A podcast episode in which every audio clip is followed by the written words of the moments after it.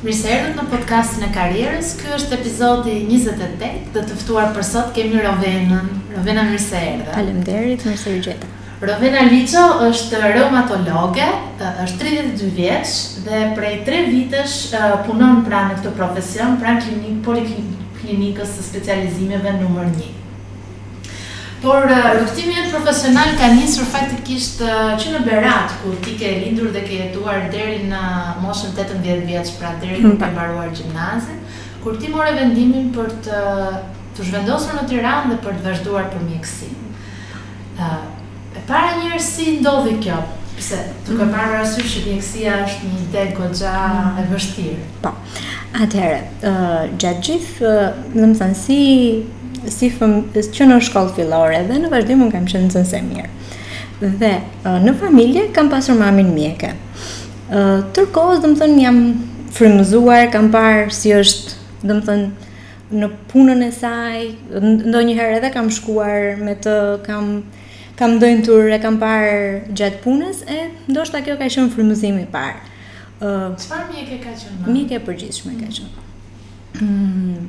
Pastaj gjatë periudhës së, domethënë shkollës së mesme ose adoleshencës, normalisht njeriu ka shumë idera, shumë dëshira, shumë e projekton veten në shumë fusha të ndryshme. Mm -hmm. Aty, domethënë, unë mendoj që në momentin kur duhet të zgjedhësh, është një moshë shumë e pa e vo, shumë e papjekur për të zgjedhur për fushën në të cilën do të vazhdosh. E frymëzuar ndoshta dhe e inkurajuar edhe nga mamaja ime, unë kam bërë zgjedhje për të vazhduar në mjekësi. Mhm. Dhe sigurisht që përveç zgjedhjes për të vazhduar për shkollë të lartë, ti bëre edhe një zgjedhje për të ndryshuar qytet, pra për t'u zhvendosur në në Tiranë. Po kjo pjesë si si e përballove? Ë, për këtë pjesën nuk është se ka qenë domethënë, ajo zhvendosja, ka qenë Aq sa na ka pëlqyer, për pjesën se gjithsesi, domethënë, do shkëputeshim nga familja, do fitonim një farë pavarësie, por nuk për mua dhe për shumë të tjerë shokë e shoqe të mia të asaj moshe ka qenë më shumë e bukur se sa e vështirë. Si ishte impakti yt i parë vitin e parë të shëndetësisë? Pastaj, viti i parë ka qenë vërtet shumë i vështirë, sepse vjen nga nga një shkollë ku domethënë nuk të duhet ose të paktën Nuk të duhet të studiosh për kohë të gjatë, ndërkohë në vit të parë çdo gjë të duket e re. Çdo gjë. Unë mbaj mend që për të mësuar një muskul, që tani e them shumë shpejt, muskulin sternokleidomastoid, mund të kem ndëntur dhe mund ta kem përsëritur nja 15-30 herë, sepse nuk kam rrija po ça dreqin është ky, po si vallë, pse është kaq i gjatë, po ça kuptimi ka. Ndërkohë është shumë e vështirë, domethënë pje, viti i parë është shumë i vështirë, viti i parë, viti i dytë, sa mësohesh me ndryshim në mënyrën e të studiuarit, ka tmerrësisht ndoshta, domethënë në qoftë se ti në gjimnaz duhet lexoje shumë pak, arrije t'i kapje në në shkollë të lartë të duhet të lexosh shumë më shumë. Edhe duhet sikur duhet të kesh një memorie shumë të fortë për të qenë mjek, pasi gjithë gjithë emërtimet e ndryshme në latinisht dhe jo vetëm. Është edhe ajo, domethënë që nuk Nuk është se është që do të thuash do më shumë të kesh vullnet. Domethënë në mjekësi arrihet shumë në momentin që ti ke vullnet. Duhet të skalitësh uh, vullnetin, të të dish si të studiosh dhe të jesh sistematik. Në qoftë se nuk arrin të lexosh, sado të kesh çfarëdo lloj gjëje tjetër nuk arrin dot të të, të vazhdosh. Të ti je arsimuar përgjatë nëntë viteve në shëndetësi, nga ku gjashtë vitet e para kanë qenë mjekësi e përgjithshme dhe tre vitet e fundit ti vendose që të specializoheshe në reumatologji. Më flit pak për këto vitet e mjekësisë së përgjithshme, për të kaluar pastaj te zgjedhja jote për këtë specializim. Domethënë, për mua ngelen nga vitet më të bukura, pavarësisht se janë vite nga më të vështirat për pjesën e studimit, provimeve dhe në këtë pjesë ngelen përsëri shumë të bukur. Mjekësia është është shkollë shumë e bukur. Këtu dhe kudo. Është e sakrificave sepse un mbaj mend që kisha shoqe që jo mund të dilnin, un duhet të sakrifikohesha pra provim, po prap ke provim, provim po prap duhet të lexosh. Megjithatë, domethënë fakti që ti studion mënyrën se si funksionon organizmi, njerëzor, se si merr vesh disa mekanizma dhe zbulon, domethënë është e bukur dhe shumë interesante. Ka pjesën e mundit dhe lodhjes, por ngelet nga për mendimin tim, me sa, domethënë, edhe në debat ngelet nga degët më të bukura. Tani ndoshta them që nuk do ta ndroja dhe ndoshta edhe nga fakti që nuk di më të bëj atë që ti. Do bëj vetëm zgjidhje. Tani më përpara, domethënë gjatë Gjashtë viteve të shkollës, po ç'dreqin kam dashur që kam marrë këtë shkollë, po pse nuk mora një shkollë më të më të lehtë dhe të jetoja edhe unë si gjithë të tjerët. Kurse tani them që s'do ta ndroja me asgjë gjë tjetër. Kur shikon dhe satisfaksionin që merr kur fillon dhe ushtron profesionin, sepse gjithë atë mundin që ti ke bërë, në një moment të caktuar të vjen dhe të kthehet mbrapsht. Hmm. A ka pasur ndonjë lëndë gjatë këtyre 6 viteve të para që ti nuk e bëje, domethënë, Ka qenë e vështirë mm. ose ti ke Anatomia ka qenë e vështirë. Mm. Anatomia edhe tani është, domethënë, është e vështirë sepse ka pasur tmerrsisht shumë emra të rinj, plotësisht, jo shumë emra, por plotësisht të gjithë ishin të ishte komplet e panjohur. Mm. Ndërsa nga lëndët që un kam uh, pëlqyer shumë ka qenë fispatologjia, domethënë mënyra që uh, shkenca që studionte mekanizmat se si uh, ë rrjedhën e sëmundjeve, mekanizmat të cilët shkaktonin një sëmundje. Fispatologjia ka qenë shumë e interesante për mua. Edhe fiziologjia dhe fispatologjia. Fiziologjia që studion mekanizmat normalë fiziologjikë dhe fispatologjia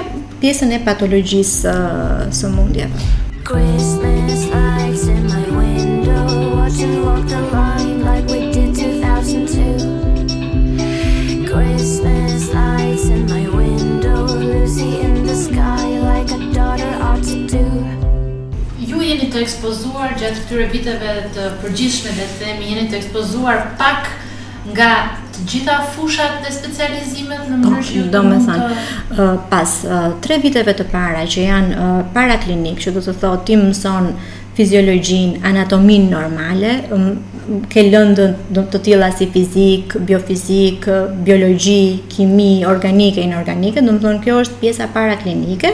3 viteve pastaj futesh në pjesën klinike. Dhe pjesa klinike është organizuar me cikle, që bën për shembull ciklin e gastrohepatologjisë, që bën për sëmundjet e stomakut, të zorrëve, të mëlçisë. Dhe e, mund të jetë një cikël që mund të jetë 6 javor, 8 javor, që janë e, e, të kombinuara leksione me praktikë, domethënë puna në pavionin e gastrohepatologjisë, supozojmë, bashkë me leksionet për atë lëndë. Dhe pasi mbaron ciklet, jep dhe provimin për atë lëndë. Domethënë pas tre viteve të para që janë vetëm leksione dhe shumë pak praktikë, pastaj fillon që bëhet edhe shkolla e mjekësisë, edhe bëhet më interesante, sepse okay. ke fillon kontaktin me pacientët. Deri tre vitet e para nuk ke kontakt. Mëson krijon idenë e përgjithshme Anatomi, fiziologji dhe lëndë të tjera paraklinike. Si zhvillohet praktika më konkretisht? Pra ku i takon ju këta pacientë? Domethënë, në, funksionon e tillë që studentët e mjekësisë ndahen në grupe. Dhe në momentin që një grup ka një degë të caktuar, ka një lëndë të caktuar, për shembull, hepatol gastrohepatologjinë ose kardiologjinë, një tjetër ka një një një lëndë tjetër.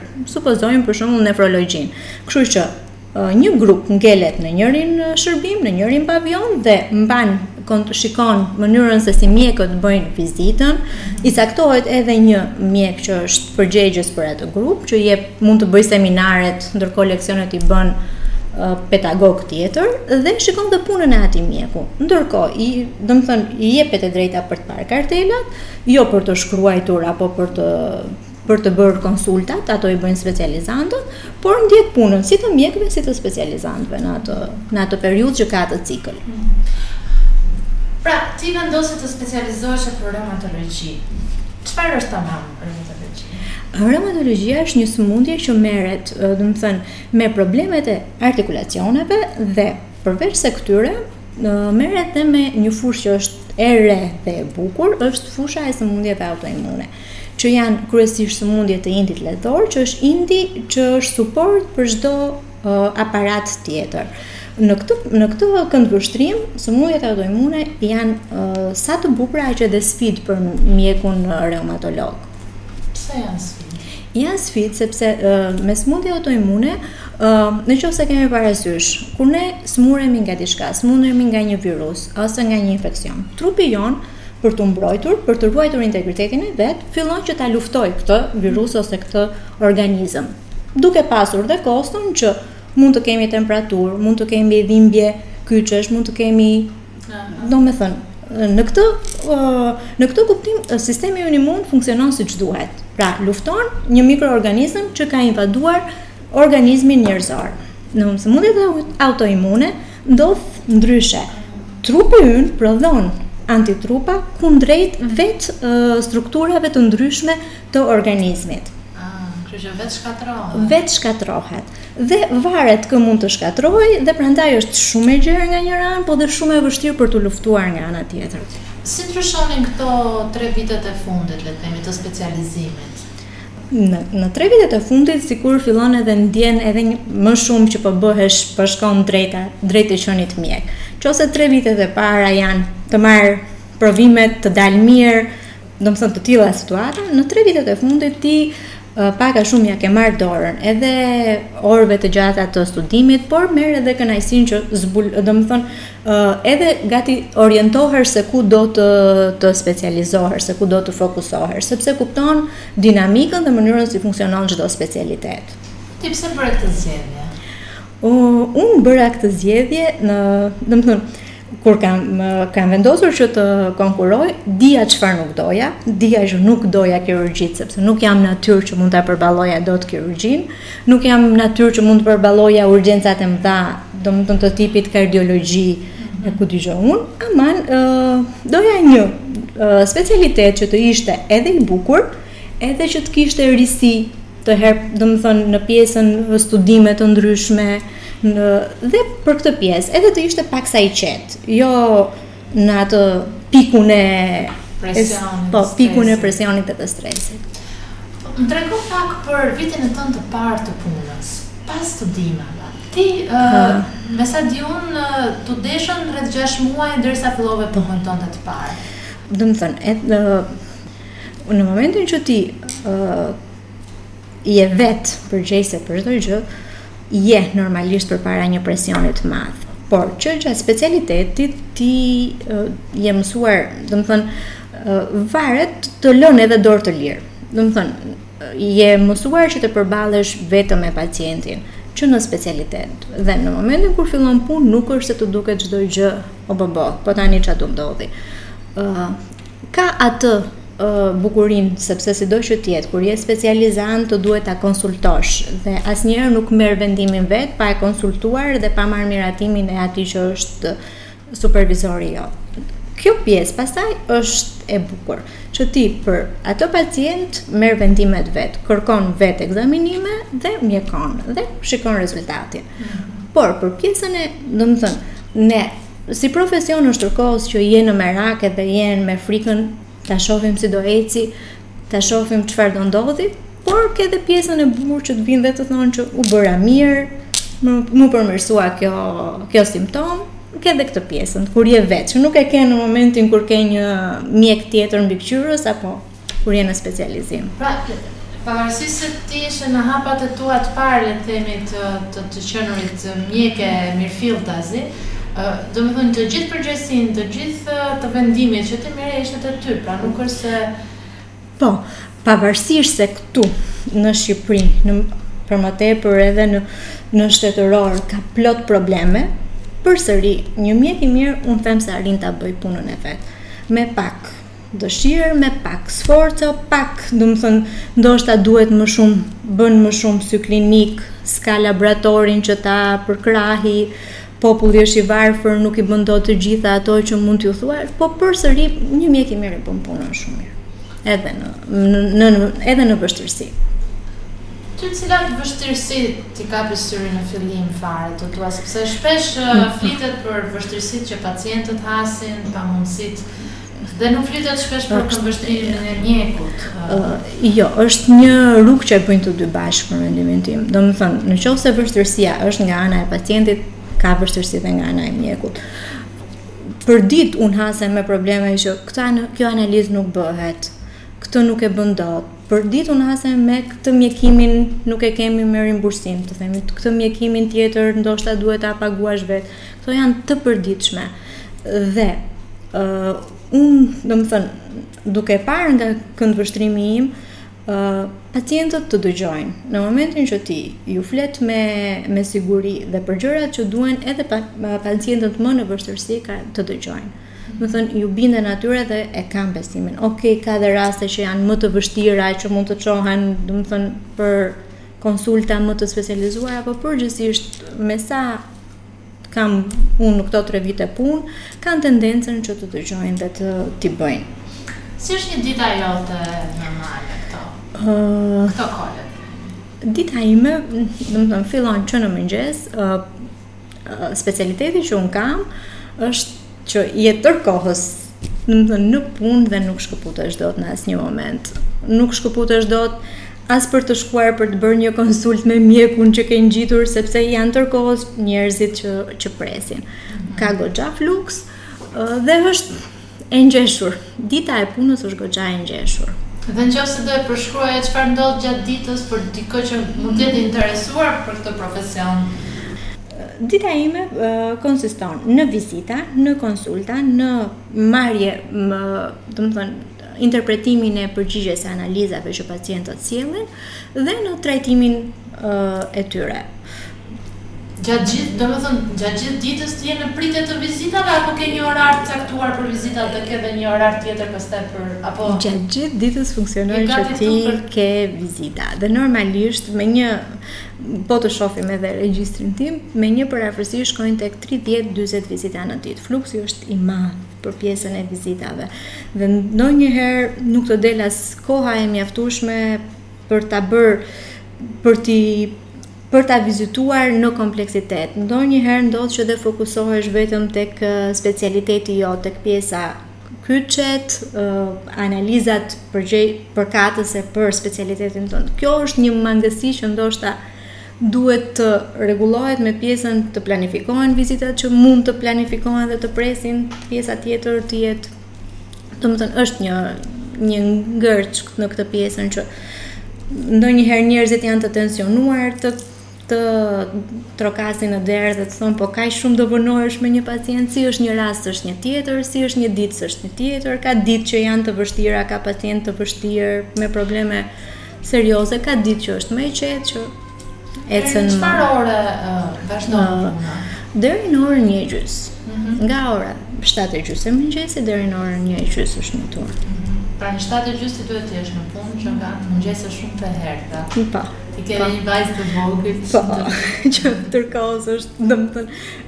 Në kur unë jam turni parë, goca ime vjen mbështillet vjet në makinë se është në gjumë. Nuk e rindo të shoh. Çohet në kopsht, çohet në kopsht, ose përgjumësh.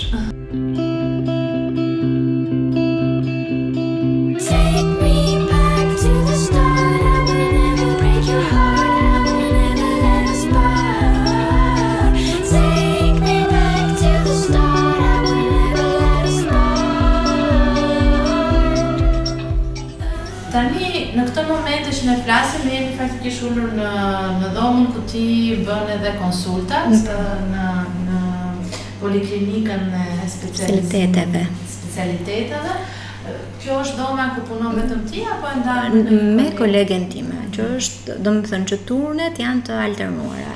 Domethënë një javë më takon mua të jem turni parë, një javë i takon koleges të jetë turni parë dhe unë turni dytë, rrjedhimisht. Dhe kur ti je turni dytë fillon punën në në në orën 2 dhe mbaroj në orën 8.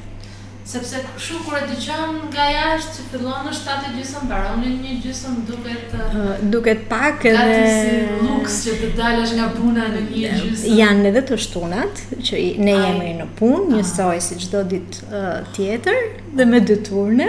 Prandaj është orari i tillë, domethënë që është një orar dhe uh, kjo bëhet për të plotësuar oraret e punëve dhe për të mbuluar nga ora 7 e gjys deri në orën 8 për të mbuluar një interval goxhat të, të gjatë me shërbim. Prandaj nuk është orari 8 me 4, siç është orari zyrtar nëpër institucionet e tjera, për ta mbuluar sa më gjatë. Mm.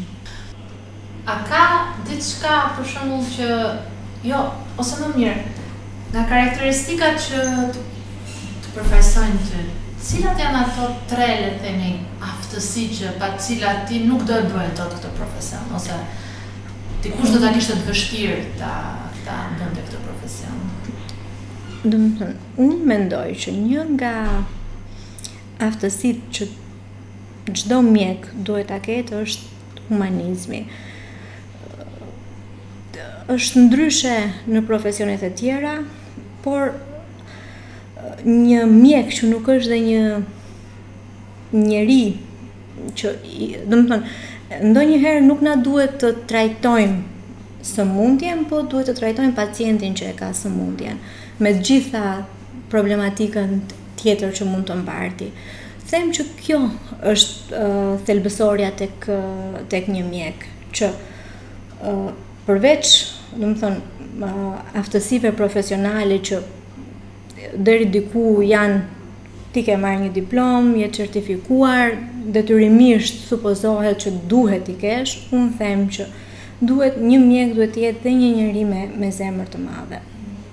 është normalisht tek e fundit edhe mjeku njeri është, duket si çdo njeri tjetër, por fakti që ti ke të bësh me atë pjesën më më më delikate të të çdo individi me shëndetin, duhet të jesh se s'bën edhe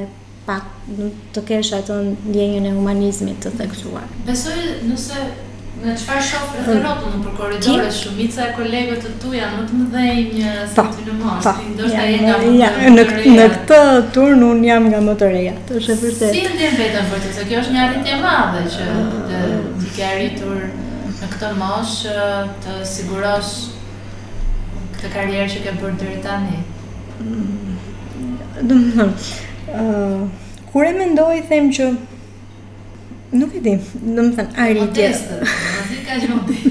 Nuk e di, është edhe pjesë e ë uh, që më në fund për atë çfarë ti je munduar më në fund ti ia del dhe është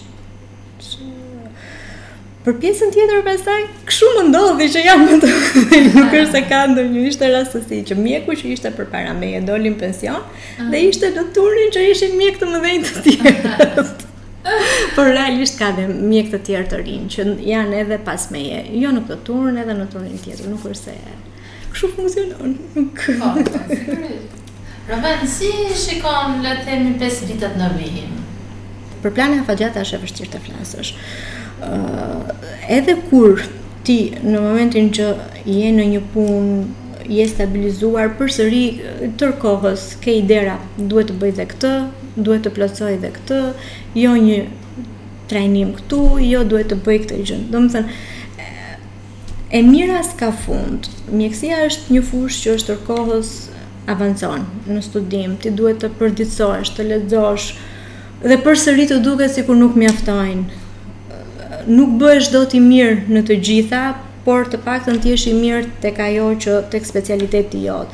Edhe tek specialiteti jot përsëri ka specifika që thua të jem i mirë në këtë gjë. Dhe, domethënë, tërë kohës ti krijon objektiva që Thua, ndoshta do t'i realizoj tani, ndoshta do t'i realizoj pak më vonë, por që tërë kohës je në në kërkim të të të të të arritjes sa më shumë në fushën tënde, në atë që ti do të bësh.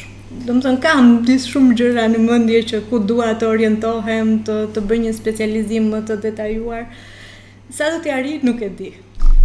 Si janë mundësitë e kërkimit dhe zhvillimit në mjekësi në Shqipëri? Për, për këtë pjesë flas, domethënë që ë uh, është e vështirë të, të merresh me pjesën studimore, me pjesën kër, kërkimore është pak e vështirë në në në Shqipëri, uh, sepse unë në në në Në pozicionin që jam tani, kam pacientë të cilët dua që t'i t'i t'i investigoj të të shoh më shumë për pjesën e analizave laboratorike, ekzaminimeve që janë më të specifikuara, por që nuk arrin dot t'i realizosh, sepse kanë kosto, nuk nuk të mbështet dot pacienti. Për këtë pjesë them që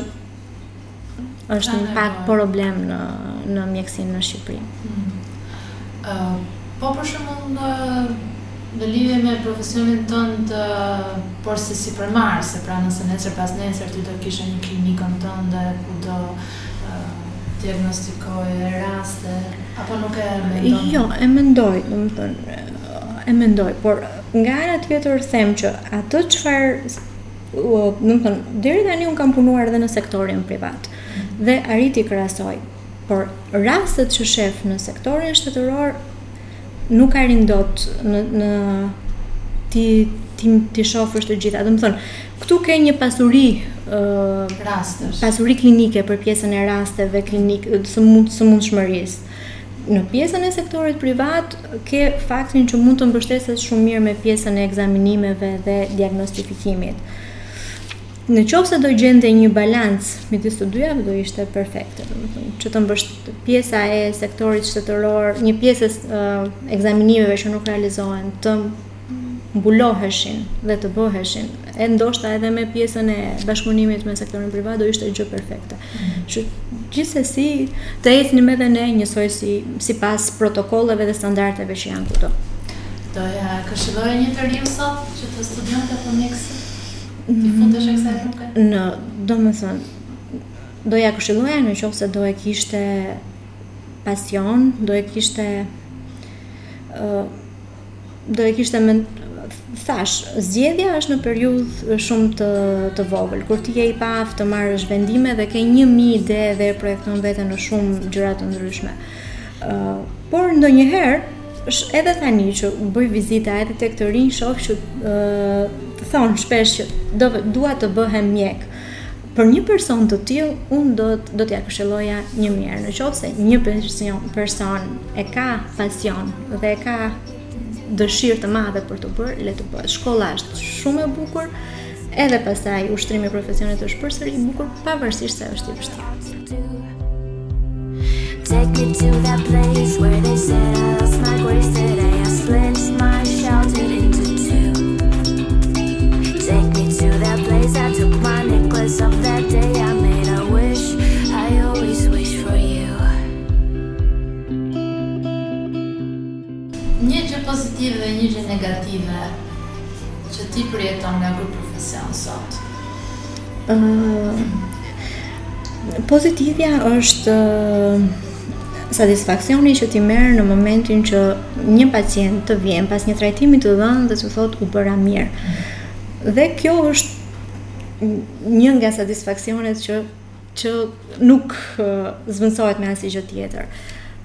Tjetra është që je tërë kohës në, unë kam një degë që nuk është, nuk ka, nuk mbart atë presionin e urgjencave edhe gjërave të vështira dhe unë përsëri jam tërë kohës në merak. Edhe kur shkëputem nga puna, mendërisht nuk shkëputem nga puna. Mendërisht them po ky, po ky, dale të lexoj pak për këtë, dale të shikoj pak për këtë situatën tjetër. nuk shkëputesh dot asnjëherë. Kjo është e mirë dhe e keqe bashkë, është motiv që të bën të të të studiosh dhe të lexosh tërë kohës, por është edhe e keqe sepse je tërë kohës me mendjen që po ky, po ky rasti, po ky rasti, po kjo gjëja. Nuk shpëton dot asnjëherë. Të ka mbetur peng ndonjë profesion që po ta ktheje kohën mbrapa ta provoje një herë. Doja të bëhesha këngëtare, po kam.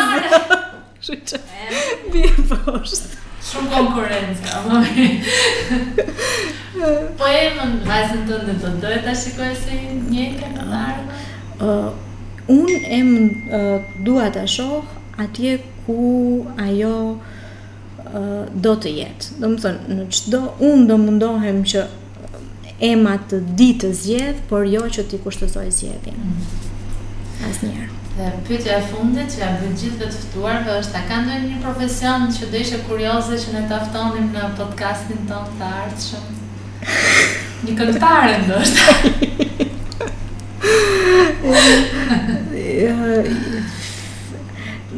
Unë mund të flisja për pjesën e profesionit tim, domethënë, po. specialitete të tjera, që janë ndoshta edhe më një mjeke laboratori, ndoshta do ishte shumë, se edhe pjesën që janë në, më shumë në hije, se sa një mjek që ka, domethënë, me, me pacientët kontakt, që ata që janë nën dhe që nën ne, dhe tërë kohës ata na mbështesin e, domethënë, një mjek laboratori, një imazherist, janë që ia vlen të, të dish dhe jetën e tyre.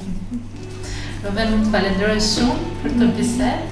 Të uroj gjithë sukseset në këtë profesion. Faleminderit. Që është i shenjtë si profesion për mendimin tim. Në gjithë të mirë dhe ne do të dëgjohemi sërish në podcastin e ardhshëm.